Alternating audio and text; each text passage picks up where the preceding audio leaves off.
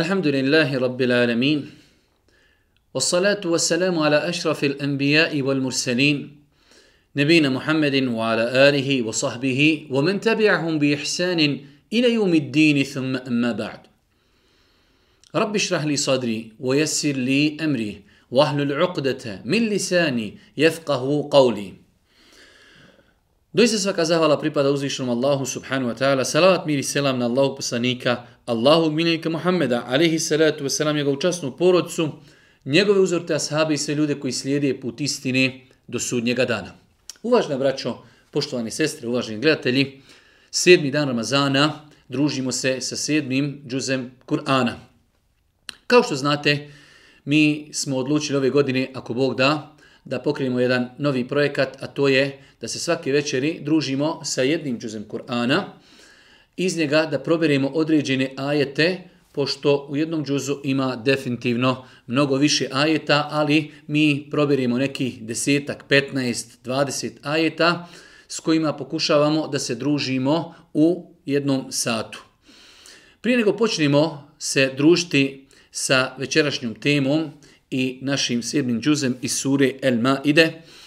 Želim da napomenim da imamo izlačenje nagrada, nagradnu igru, a na vama je svi koji gledate i želite da učestvujete u ovoj nagradnoj igri, da ostavite bilo kakav komentar na ovo predavanje kako bi sistem mogao da vas prepozna i da nekoga izvučemo. Rekli smo da su nagrade komplet knjiga koje je štampala udruženje Alternativa, jedan lijep komplet knjiga, svaku noć ako Bog da izvuči po jednog svjetnog dobitnika. Rekli smo da je prvenstveno ova nagradna igra obezbijeđena za ljude koji su unutar Bosne. Ako bi se desilo da neko dobije nagradu izvan granica Bosne, e, ako može da obezbijedi da neko za njega preuzme njegovu nagradu unutar Bosne pa da mu to naknadno pošalje, neka tako i učini, u protivnom onda ćemo uzeti drugog ili trećeg e, znači izvučenog kako bi njima dodijelili tu nagradu.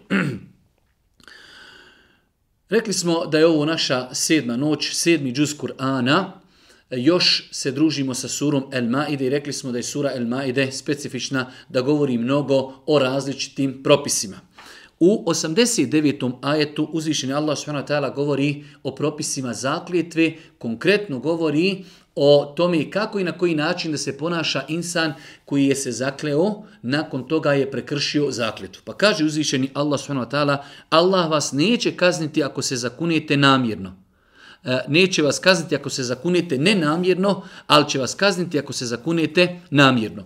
E, na samom početku uzvišnji Allah subhanahu wa e, pojašnjava svojim robovima propis da insan koji se zaklijete nenamjerno, mi smo o tome i nedavno imali jedno kompletno predavanje kada smo komentarisali knjigu Rijadu Salihin i zbog toga nećemo nešto mnogo e, detaljisati oko ovih pitanja, ali u islamu postoji znači namjerna zakljetva i nenamjerna. Nenamjerna je ona zakljetva koju čovjek rekne u znači nekom razgovoru ne želijeći i ne ciljajući da se zaklijete. Jednostavno kada s nekim razgovara pa kaže jest Boga mi, nije Boga mi, jest i tako dalje.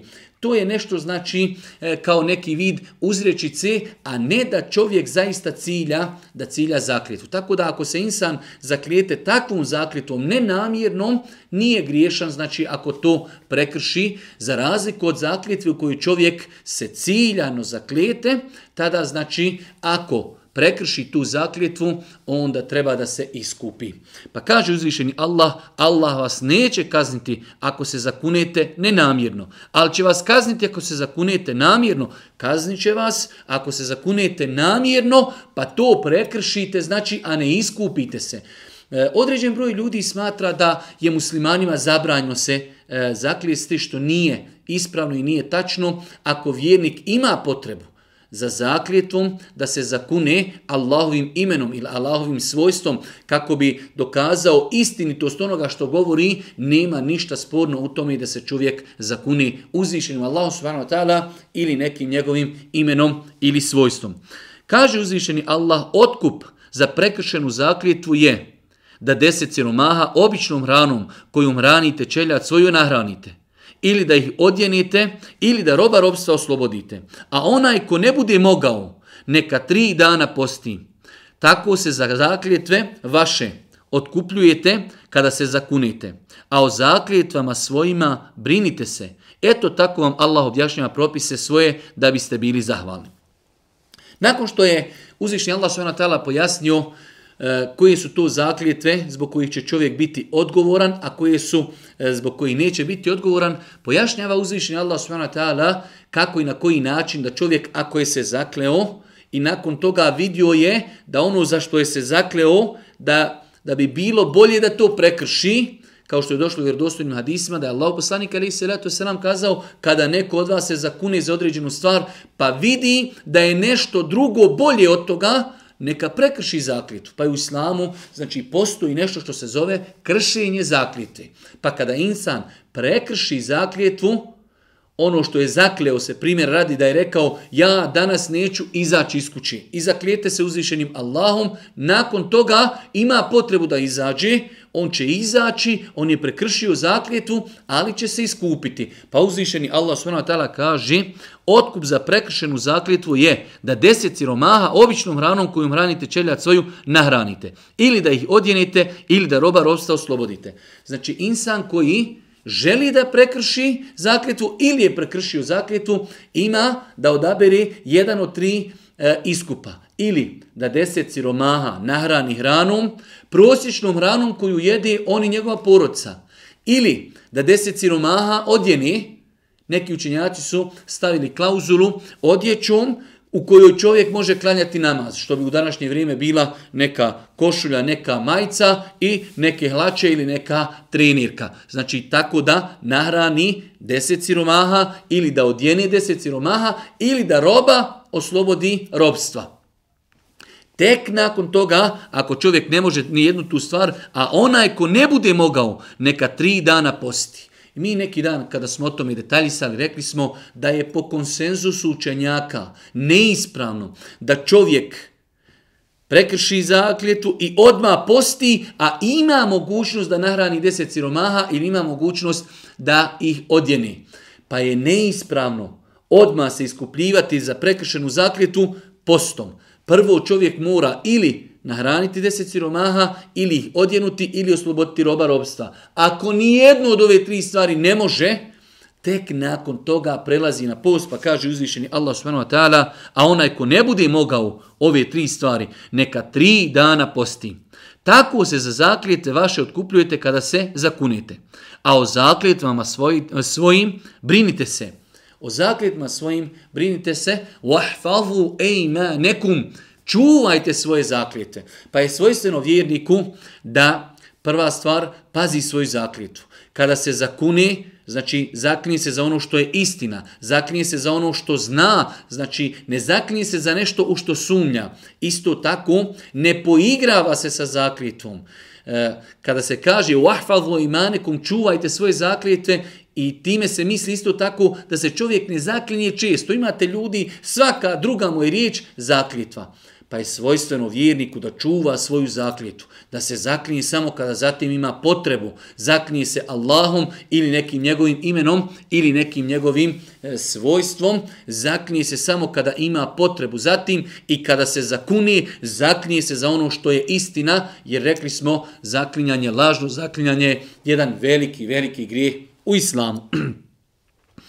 Nakon toga u 90. i 91. ajetu kaže uzvišeni Allah o vjernici, vino i kocka i kumiri i strelice za gatanje su odvratne stvari, šetanovo dijelo, zato se toga klonite da biste postigli što želite. Šetan, e, šetan želi da pomoću vina i kocki unese među vas neprijateljstvo i mržnju i da vas od sjećanja na Allaha i od obavljanja molitve odvrati, pa hoćete li se okaniti. Uzvišnji Allah s.w.t. pojašnjava svojim robovima da im je zabranjen alkohol, znači vino, da im je zabranjeno kockanje, kladionice, da im je zabranjeno robovati i obožavati kipove i strijelice za gatanje, da su to, kaže, odvratne stvari. Prva stvar, Allah Žešanu za nešto kaže da je odvratno.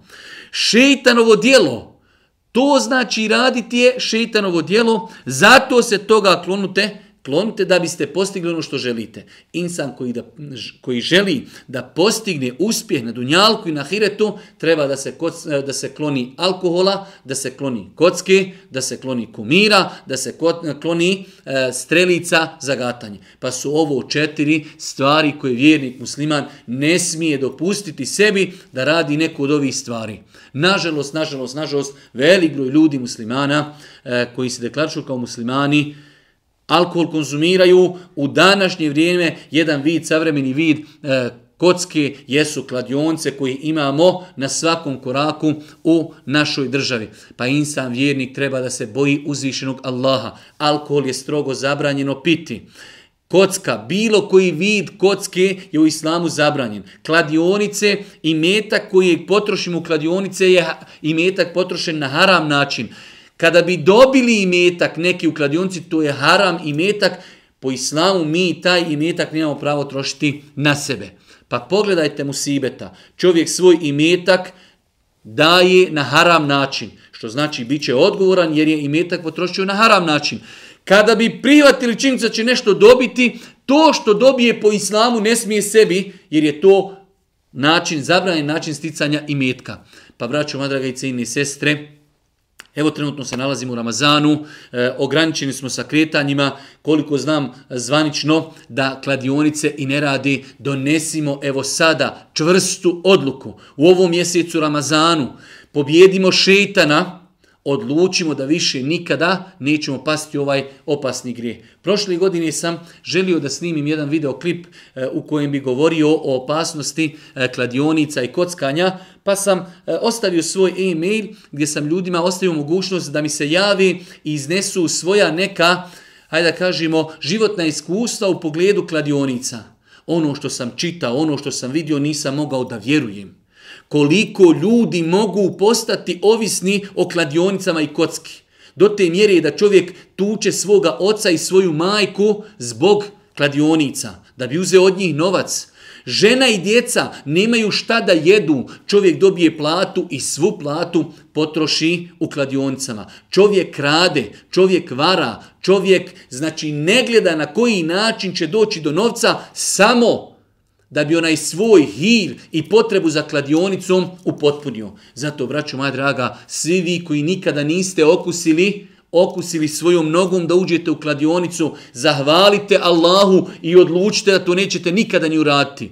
A oni koji su to uradili, evo, elhamdulillah sada živimo u izolaciji neki mjesec dana, kladionice su zatvorene, ovo je idealna prilika donesimo odluku, neću više nikada ući, to je trošenje imetka na haram način, ako bi dobio, to je imetak dobiven na haram način, Allah će me pitati za ono što sam radio, a da ne govorimo o zulmu i nepravdi prema majci, prema ocu, prema supruzi, prema djeci, prema prijateljima, laganje, prevara, krađa i tako dalje. Pa pogledajte koliko u paketu grijeha da bi se učinio jedan drugi grijeh. Kaže uzvišenje Allah subhanahu wa ta'ala, zato se toga klonite da biste postigli ono što želite. Šetan želi pomoću vina i kocke, šetan želi da pomoću vina i kocke unese među vas neprijateljstvo i mržnju i da vas od sjećanja na Allaha i obavljanja molitve odvrati. Pa hoćete li se okanti? Šetan želi da unese među vas mržnju i neprijateljstvo putem kocke i alkohola. Allahu ekber. Kako je naš gospodar milostiv? Pojašnjava nam razlog Zašto je alkohol zabranjen? Zašto je kocka zabranjena? Šeitan hoće kada se ljudi napiju, potuku se, posvađaju se i tako dalje. Za kladionice, za kockanje, koliko puta su ljudi pucali jedni u druge, ubijali, varali, pa kaže uzvišeni Allah subhanahu wa ta'ala, šeitan želi da pomoću vina i kocke unese među vas neprijateljstvo i mržnju, da vas odvrati od sjećanja na Allaha i da vas odvrati od moliti od namaza. Pa hoćete li se okanti? Ona insan koji e, je u kladionci, da li on zikri tamo u kladionci ili psuje, da li on klanja namaz? Apsolutno. Pa šeitan, znači kada insana zavede kladioncama, kockanjem, alkoholom, prvo što između njega i drugih ljudi nastaje mržnja i neprijateljstvo, s druge strane zaboravlja na Allaha i zaboravlja na svoj namaz, najbitniji temelj Islama. Pa, e, braćo moja draga i cijeni sestre, ovo su smjernice od uzvišnog Allaha subhanahu wa ta'ala, ljudima, muslimanima je strogo zabranjeno, strogo zabranjen alkohol, strogo, zraga, strogo zabranjeno bilo koji vid kockanja. Nakon toga u 98. ajetu kaže uzmišeni Allah I'lamu anna Allaha shadidul iqabi wa anna Allaha ghafurur rahim. Neka znate da Allah strogo kažnjava, ali da prašta i da je milostiv. U jednom ajetu Allah dželešanu zastrašuje, ali isto tako otvara ljudima otvara ljudima vrata pokajanja, oprosta, milosti i rahmeta. Pa kaže uzvišeni Allah, neka znate, Allah strogo kažnjava, ali isto tako neka znate da Allah prašta i milostiv je. Jedan ajet na početku kaže Allah žestoko kažnjava, a u drugom dijelu ajeta kaže uzvišeni Allah, on je milostiv i prašta. Pa to treba da bude naš životni pravac i da po tom ajetu živimo. Nadamo se Allahom oprostu, a strahujemo od njegove kazni. To je znači kao dva krila ptici. Ako jedno krilo slomimo, apsolutno nećemo moći ispravno živjeti. Pa vjernik živi, nada se Allahom ropostu, moli, ja rab, oprosti. Ali isto tako, strahuje od njegove kazni. Jer uzvišeni Allah ukoliko ajeta pojašnjava da žestoko kažnjava oni koji budu kršili Allahove naredbe. Nakon toga stoti ajet u suri El Maide kaže uzvišeni Allah subhanahu wa ta'ala Kul la yastawi al-khabithu wat-tayyib wa law a'jabaka kathratu al-khabithi fattaqullaha ya ulil albab la'allakum tuflihun. Reci nije isto ono što je dobro i ono što je odnosno nije isto ono što je zabranjeno što je loše i ono što je dozvoljeno dobro, makar te iznenađivalo mnoštvo onoga što je zabranjeno i što je loše. Zato se Allaha bojte, ovi koji ste razumom obdareni, da biste ono što je želite postigli. Kaže uzvišeni Allah s.w.t. nije isto dobro i ono što je halal i zlo i ono što je haram. Nije isto vjerovanje i nevjerovanje. Nije ista pokornost i nepokornost. Nije isto halal i haram. Nije isto, znači nikako nije isto. I kaže uzvišeni Allah, nemoj da vas zavede to što zla i harama i onog lošeg ima mnogo. Nažalost, velik broj ljudi, naši sugrađana, kada mu počneš govoriti o nekim pitanjima, kaže, pa zar je moguće? Svi odoše na teferiće, svi odoše u kafane, svi idu u kladionice, samo ti ne ideš. Nemoj da vas zavede mnoštvo ljudi u dalaletu. Nemoj da vas zavede mnoštvo ljudi koji idu šetanovim putem. Allah Đelšanu kaže, nije isto, nije isto dobro i zlo. Nije isto halal i haram. Pa kažu neki islamski učenjaci da je ovo jedan e, širok aje da kaže nije isto vjerovati i nevjerovati. Nije isto biti pokuran i nepokuran. Nije isto biti stanovnik dženneta i stanovnik džehennema. Nisu ista dobra i loša dijela. Nije isto moralnost i nemoralnost. To što je nekim ljudima šetan toliko, e, toliko ih zaveo, Pa misli da je to isto, nije isto. Uzvišen je Allah nas upozorava, nije isto loše i dobro. Iman i kufr, džennet i džehendem, moral i nemoral, pokornost i nepokornost. Nemoj da vas zavede što ima mnogo nepokornih. Nemoj da vas zavede što je mnogo nemoralni. Ovo je, braćo, moja dragi cijeni sestre, jedna velika lekcija. Velika lekcija svima nama. Nerijetko vidimo deset ljudi ulazi u džamiju, a stotine i hiljede drugi ne ulazi. Nemojte se povoditi zbog mnoštva da kažete pa kud svi tu i mali mujo. Insan mora da ima svoj stav, da zna zbog čega radi određene stvari, da vjeruje Allaha, da bude pokuran, da čuva svoj moral, da čuva svoje vjerovanje i tako dalje. Pa znači ovo je jedna velika životna formula. Nije isto. Nije isti omladinac čedan, moralan, pošten, vrijedan.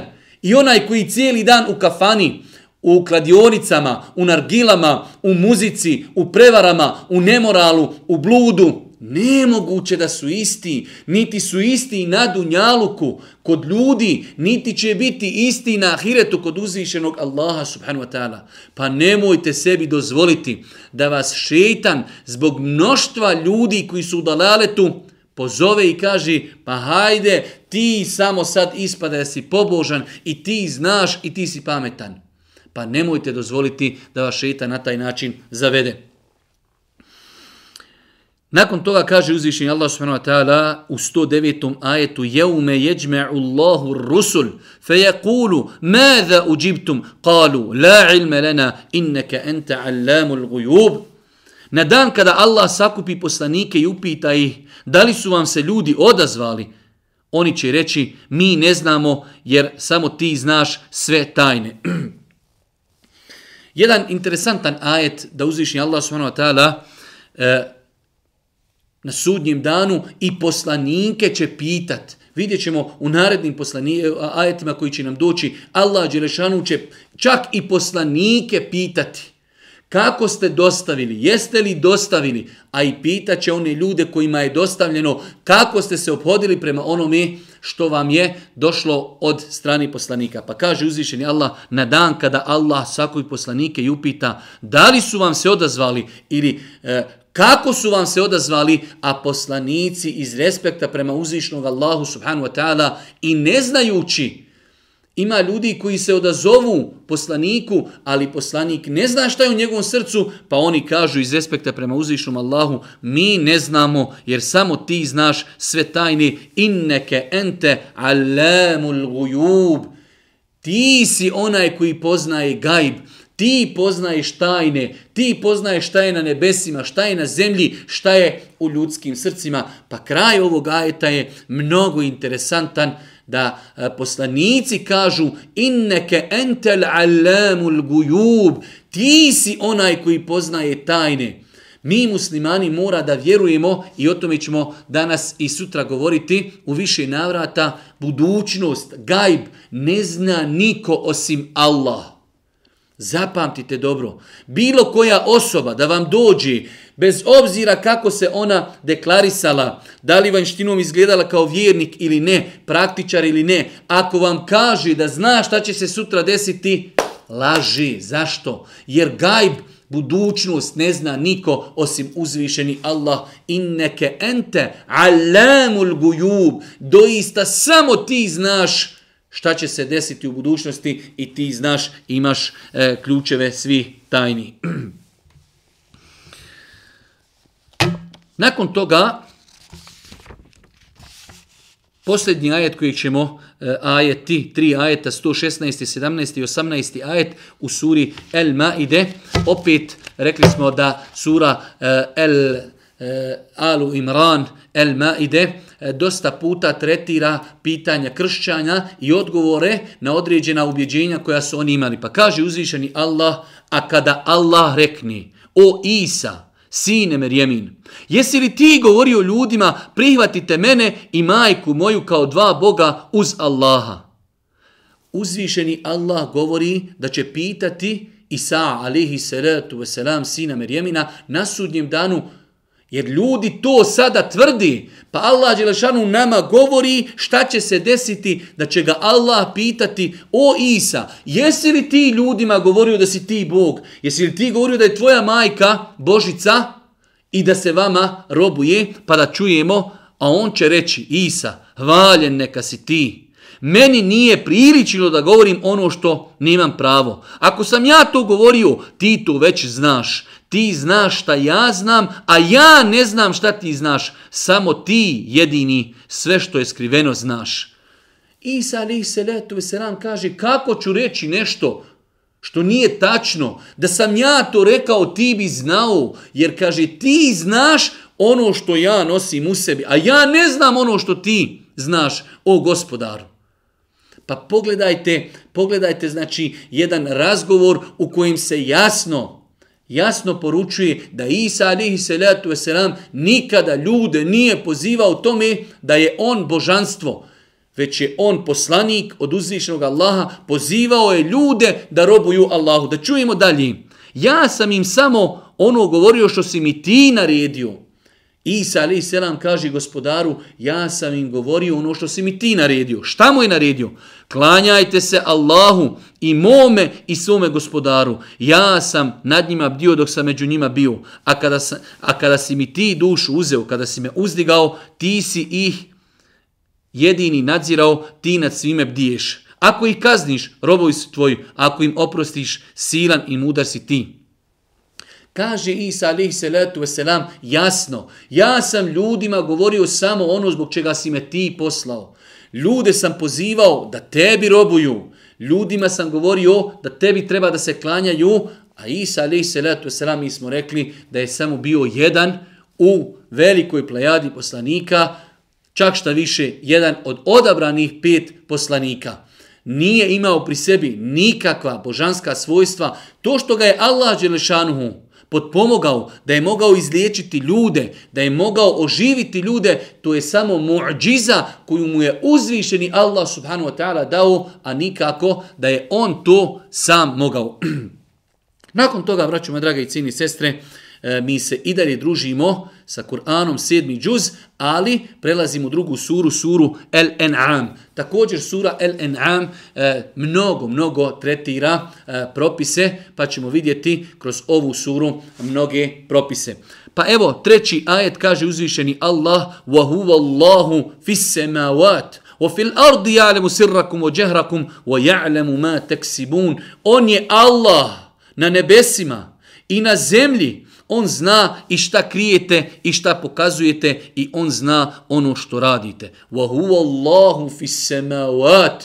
On je Allah, on je gospodar, on je svojim bićem iznad sedmog neba. On je gospodar stanovnicima zemlje i stanovnicima nebesa. On zna šta krijete i šta pokazujete, on zna ono što vi radite. Ja'lemu sirrakum wa jahrakum wa ja'lemu ma taksibun. Opet ajeti koji nas upoznavaju sa uzvišenim Allahom i njegovim bićem.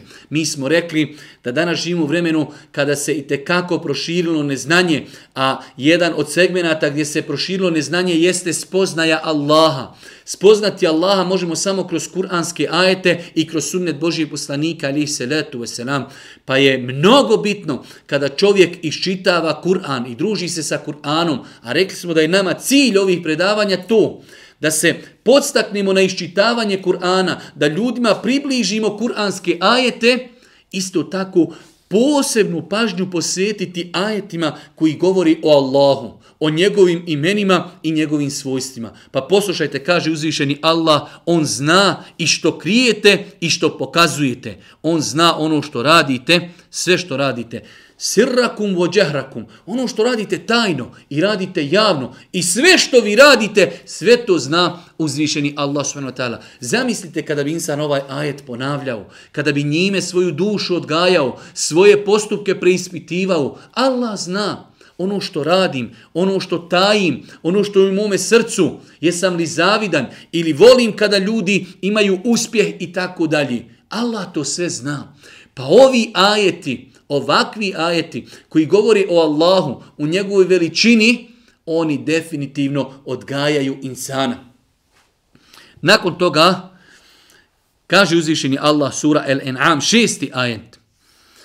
Elem terav kem ehlekna min qablihim min qarnin, mekkennahum fil ardi, ma lem numekkin lekum. وأرسلنا السماء عليهم مدرارا وجعلنا الأنهار تجري من تحتهم فأهلكناهم بذنوبهم وانشأنا من بعدهم قرنا آخرين Zar oni ne znaju koliko smo mi naroda prije njih uništili, kojima smo na zemlji mogućnost davali kakve vama nismo dali i kojima smo kišu obilnu slali i učinili da rijeke pored njih teku, pa smo ih zbog grijeha njihovih uništavali i druga pokoljenja posle njih stvarali.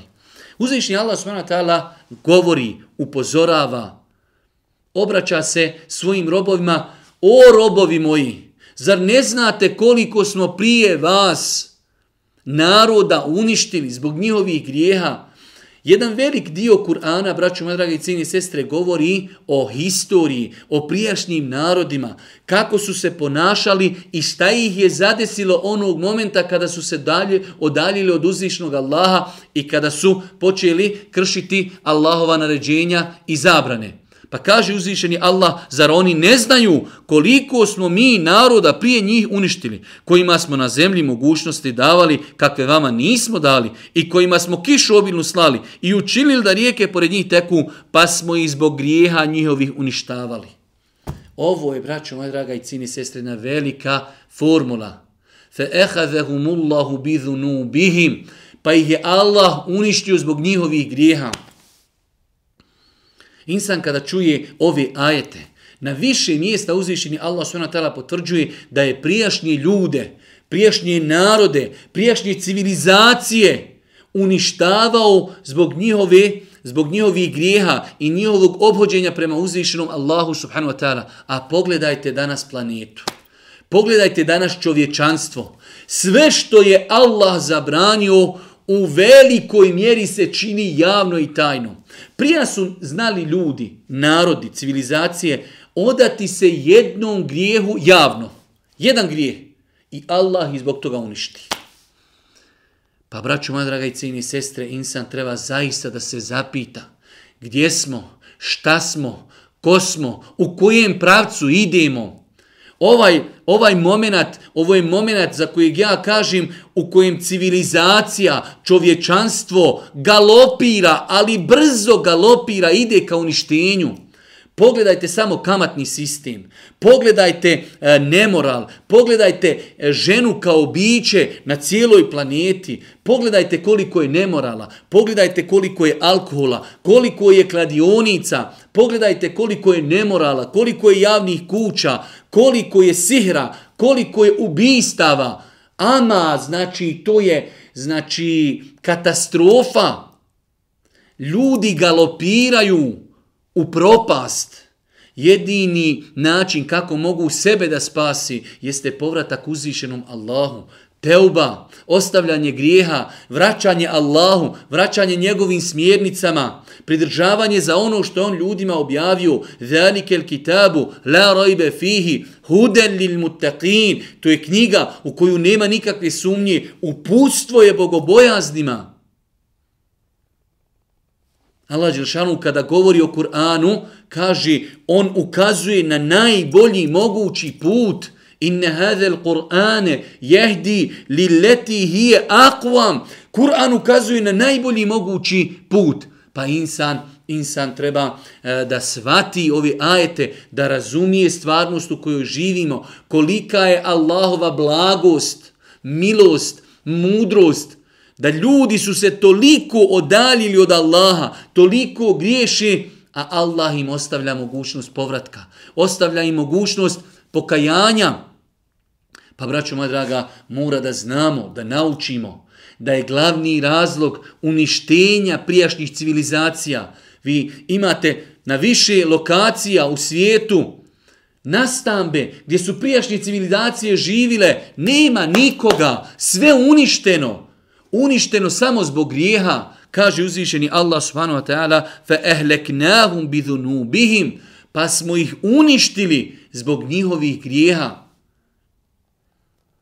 Veoma bitan životni ders, braćo moja draga i cijene sestre, prijašnje civilizacije, ljudi su bili uništavani, uništavani zbog grijeha koji su činili ono što im je uzvišen Allah subhanahu wa ta'ala zabranio. Nakon toga, Eh, 17. i 18. ajet u suri El En'am, kaže uzvišeni Allah, ako te od Allaha neka nevolja pogodi, pa niko je osim njega ne može otklonuti od tebe. A ako ti, kako dobro on podari, pa samo je on sve mogući. Jedna veoma bitna eh, stvar, a to je da insan, kada, kada ga zadesi neki musibet i neka nedača, ko je taj komu može u stvarnosti pomoći? Svakako ovo ne isključuje da insan ako ima određeni problem kojeg mu može pomoći neko od ljudi u, u granicama njihove mogućnosti da svoj problem kaže nekom od ljudi. Ali generalno gledajući, kada insana zadesi određen musibet i nedaća, komu može pomoći? Može mu pomoći samo uzvišeni Allah. Pa kaže uzvišeni Allah, ako te od Allaha neka nevolja pogodi, pa niko je osim njega ne može otklonuti. A ako ti kako dobro on podari, pa samo je on svemogući. Pa insan treba da zna kada ga zadesi musibet, kada ga zadesi nedača, prva stvar jeste da se preispita da se vezuje za Allaha, da njega moli, da od njega traži, da svoje srce vezuje za Allaha. Koliko je ljudi koji su bili daleko od Allaha, pa im je došlo iskušenje, pa im je došlo musibet, pa su se nakon musibeta vratili uzvišenom Allahu subhanu wa ta'ala, a on je taj jedini koji može otklonuti od insana ono u čemu se nalazi. nakon toga, 20. ajet suri El-En'am, kaže uzvišeni Allah subhanahu wa ta'ala, الذي آتيناهم الكتاب الذين آتيناهم الكتاب يعرفونه كما يعرفون أبنائهم الذين خسروا أنفسهم فهم لا يؤمنون Onima kojima smo knjigu dali, poznaju poslanika kao što poznaju sinove svoje. Oni koji su sebe upropastili, pa oni neće vjerovati. Interesantno, rekli smo da ćemo određeni ajete citirati samo zbog jedne riječi. Allah Đelešanu ovdje opisuje stanje, stanje ehlul kitabija u vremenu kada je došao Muhammed alihi salatu wasalam, jer su oni imali znanje, imali su i šarete, Isus, Isa alaihi salatu wasalam, posljednji poslanik prije Muhammeda alaihi salatu wasalam, jasno je nagovijestio da će nakon njega doći poslanik koji se zove Ahmed, Muhammed.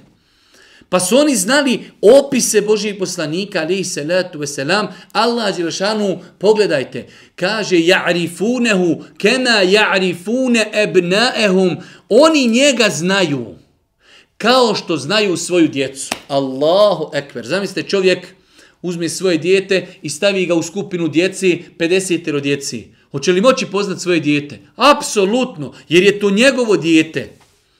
Pa pogledajte kako uzvišeni Allah pojašnjava stanje ehlul kitabija, kršćana i židova u vremenu kada se pojavio Allah poslanik, pogotovo se ovaj ajet odnosi na njihovu ulemu. Kao što kažu islamski učenjaci u tefsiru, Oni su znali Muhammeda alihi salatu wasalam po njegovim simptomima i znacima kao što znaju svoju djecu. Čak kažu islamski učenjaci, ovdje Allah Žešan ne kaže znaju ko što sebe znaju. Insan nekada ne zna komu je otac, ne zna svoje porijeklo, ne zna komu je majka i tako dalje. Ali svoje dijete, on zna svoje dijete. Pa Allah Zilšanu ovdje kaže Ja'rifunehu kema ja'rifune ebnaehum. Oni znaju poslanika kao što znaju svoju mušku djecu. Allahu ekber. Ali inat. Iz inata nisu mogli privatiti da je uzvišeni Allah počastio Arape, da se iz Arapa i njihovog, iz njihovog roda pojavi posljednji poslanik. Oni su očekivali da će to biti poslanik iz njihovog potomstva. Pa nisu i zavisti htjeli da se pokori Allahom poslaniku, alihi salatu wasalam. Pa pogledajte ovaj jasni opis kako su poznavali poslanika, alihi salatu wasalam, do te mjeri da su ga znali i prepoznavali kao što insan na ulici i u masi prepozna, prepozna svoje dijete. Nakon toga, 27. i 28. ajet iz sure Al-An'am, kaže uzvišeni Allah, وَلَوْ تَرَى إِذْ وُقِفُوا عَلَى النَّارِ فَقَالُوا يَا لَيْتَنَا نرد ولا نكذب بآيات ربنا ونكون من المؤمنين بل بدا لهم ما كانوا يخفون من قبل ولو ردوا لعادوا لما نهوا عنه وإنهم لكاذبون jedna nova tema. Mi smo rekli i pokušavamo neprestano da tretiramo različite teme. Želimo da naučimo što više novih stvari kako Islam gleda na nas i na život oko nas. Pa nam uzvišenje Allah s.w.t. govori o ljudima koji su bili nevjernici, došli su na sudnji dan, vidjeli su da je to sad istina, polaže se račun, nisu vjerovali, nisu bili pokorni, poželjeće da se vrati. Ali Allah odgovara i kaže, oni kad bi se vratili, lažu, opet bi isti bili. Allahu ekber. Allahovo savršeno znanje. On zna Znači, kako bi bilo kada bi nešto bilo u budućnosti? On kaže, oni bi poželjeli da se vrati i tvrde da bi vjerovali. Lažu, oni opet ne bi vjerovali. Pa kaže uzvišeni Allah, a dati je vidjeti kako će, kada pred vatrom budu zadržani reći, da nam je da budemo povraćeni, pa da dokaze gospodara našeg ne poričemo i da vjernici postanemo daje nama šansu, da nam je sad sa sudnjeg dana da se vratimo. Mi ne bi dokaze poricali. Pogledajte dokaza oko nas. Uzmeš Kur'an, nema kolizije. Uzmeš sunnet Božijeg poslanika, nema kolizije. Pogledajte ajete oko nas u kosmosu, u nama samima i tako dalje. Mi bi, kaže, ne bi poricali ajete i mi bi bili vjernici. Da vidimo šta kaže uzvišeni Allah. Ne, ne. Njima će očedni, očevidno postati ono što su prije krili. A kada bi i po, bili povraćeni, opet bi nastavili rati ono što im je bilo zabranjeno, jer oni su doista lažljivci.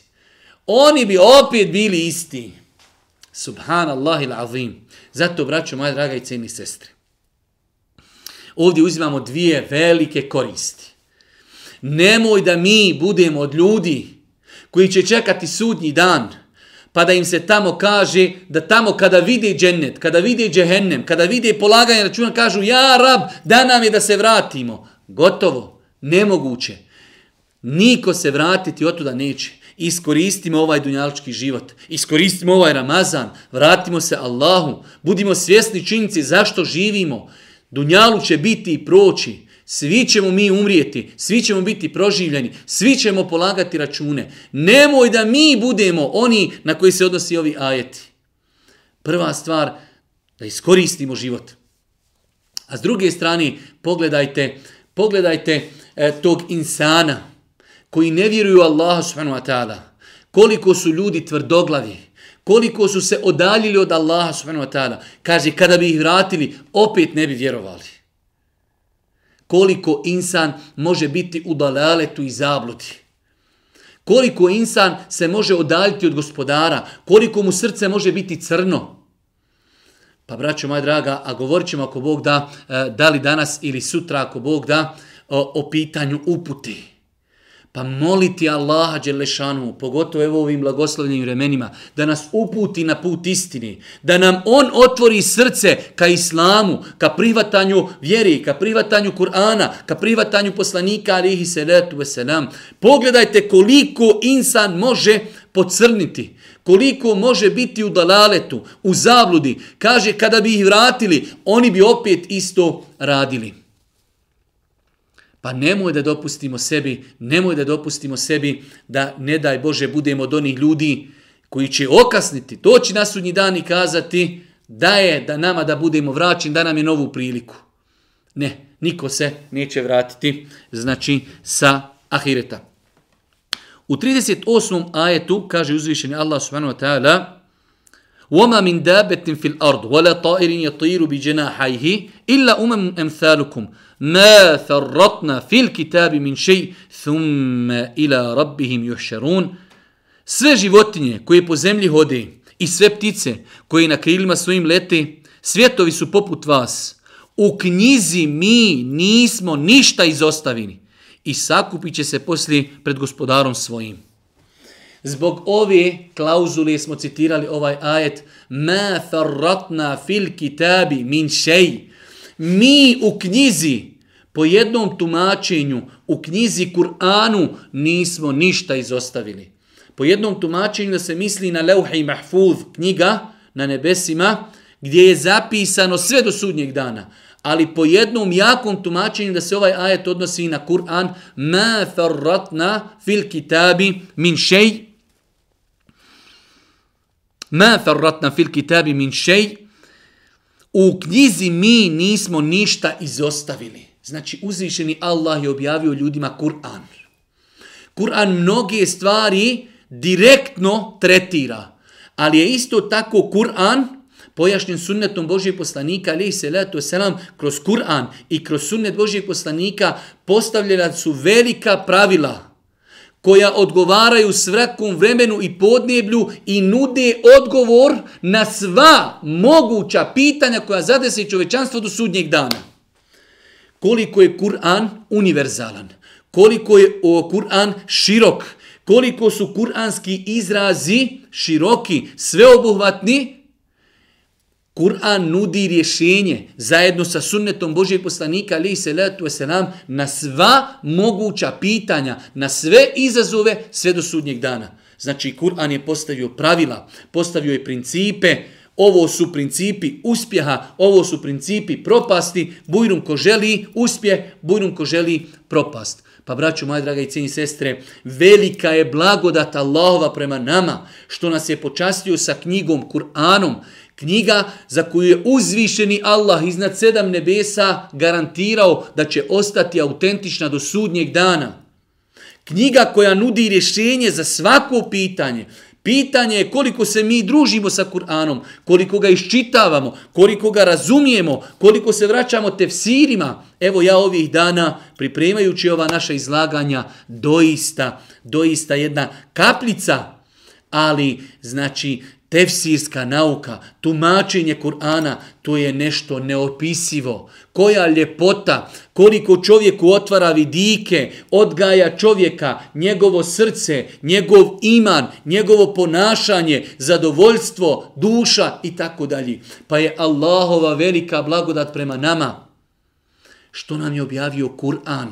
Nije pustio da živimo na planeti pa da odemo u dalalet, da budemo gori od stoki, već nam je poslao poslanika Muhammed alihi salatu wasalam da nam pojasni put istini. Objavio Kur'an, tibjanen li kulli šej. U drugom ajetu kaže Allah, žešan upisujući Kur'an, on je pojašnjenje za sve. U Kur'anu, I sunnetu Božijeg poslanika, ali se letu veselam, imamo pojašnjenje za sve. Samo je pitanje da li mi to čitamo, da li se družimo, da li to iščitavamo, da li to razumijemo. Ali kuranski principi definitivno važi za svako podneblje i važi za svako vrijeme. Ovo je mnogo bitno zapamtiti. Kuranski principi, jer je to uni, univerzalni Allahov govor, vrijede za svako podneblje i za svako vrijeme. Pa je Allahova blagodat prema čovječanstvu što im je objavio Kur'an, izvor sreće i zadovoljstva i upute, velika, velika, ogromna blagodat.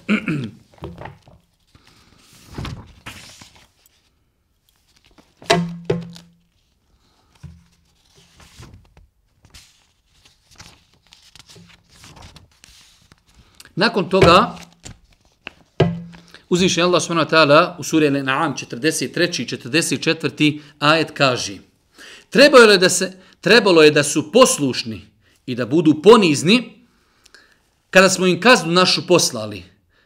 Kada je naša kazna im došla, ali srca njihova su ostala tvrda, a šetan im je lijepim prikazao ono što su radili. I kada bi zaboravili ono čime su opominjani, mi bismo im kapije svega otvorili.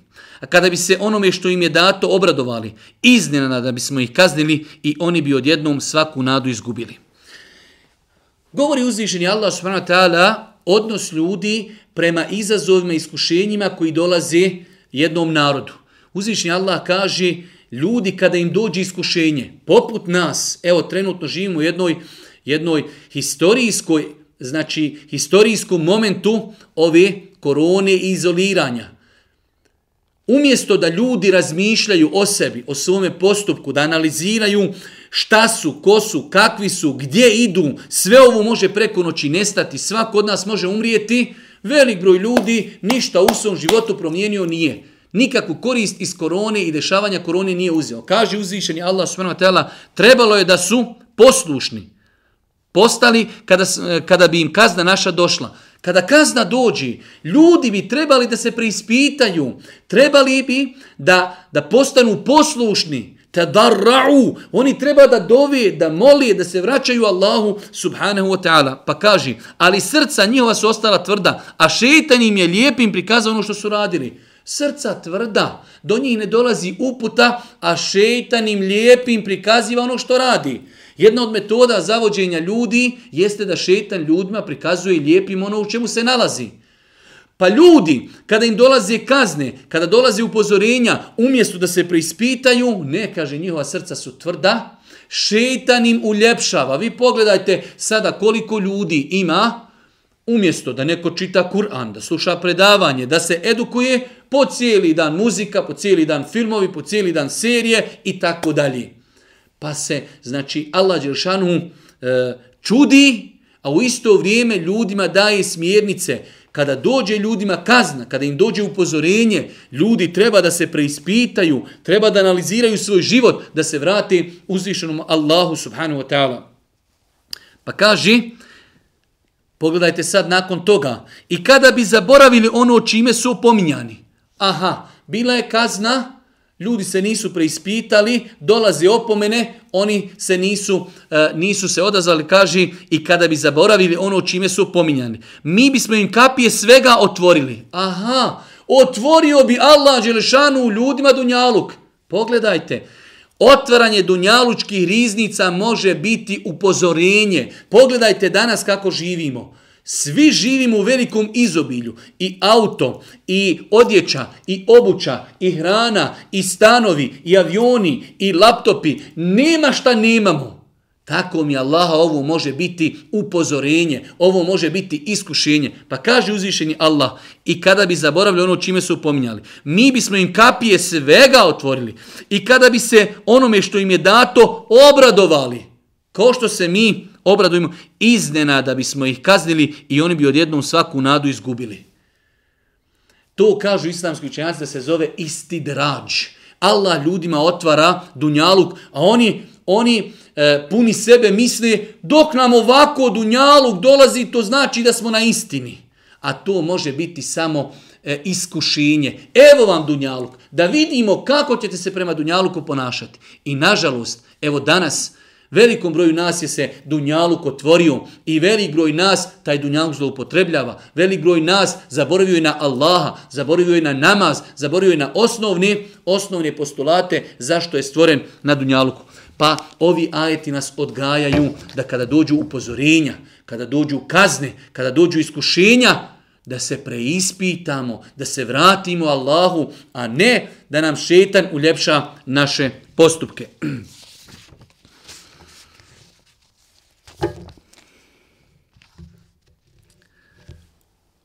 Posljednja dva ajeta koja ćemo, ako Bog da, večeras tretirati, jeste ajet 59. ajet iz sure El-En'am. Kaže uzvišeni Allah s.w.t. U njega su ključevi svih tajni. Samo ih on zna. I on jedini zna šta je na kopnu i šta je u moru. I nijedan list ne opadni, a da on za njega ne zna. I nema zrna u tminama zemlji, niti ičega svježeg, niti ičega suhog, niti šta ne ičega drugog što nije u jasnoj knjizi. Pogledajte, braćo moja draga, ovaj ajet je jedan od ajeta koji opisuje Allahovo subhanu wa ta'ala znanje.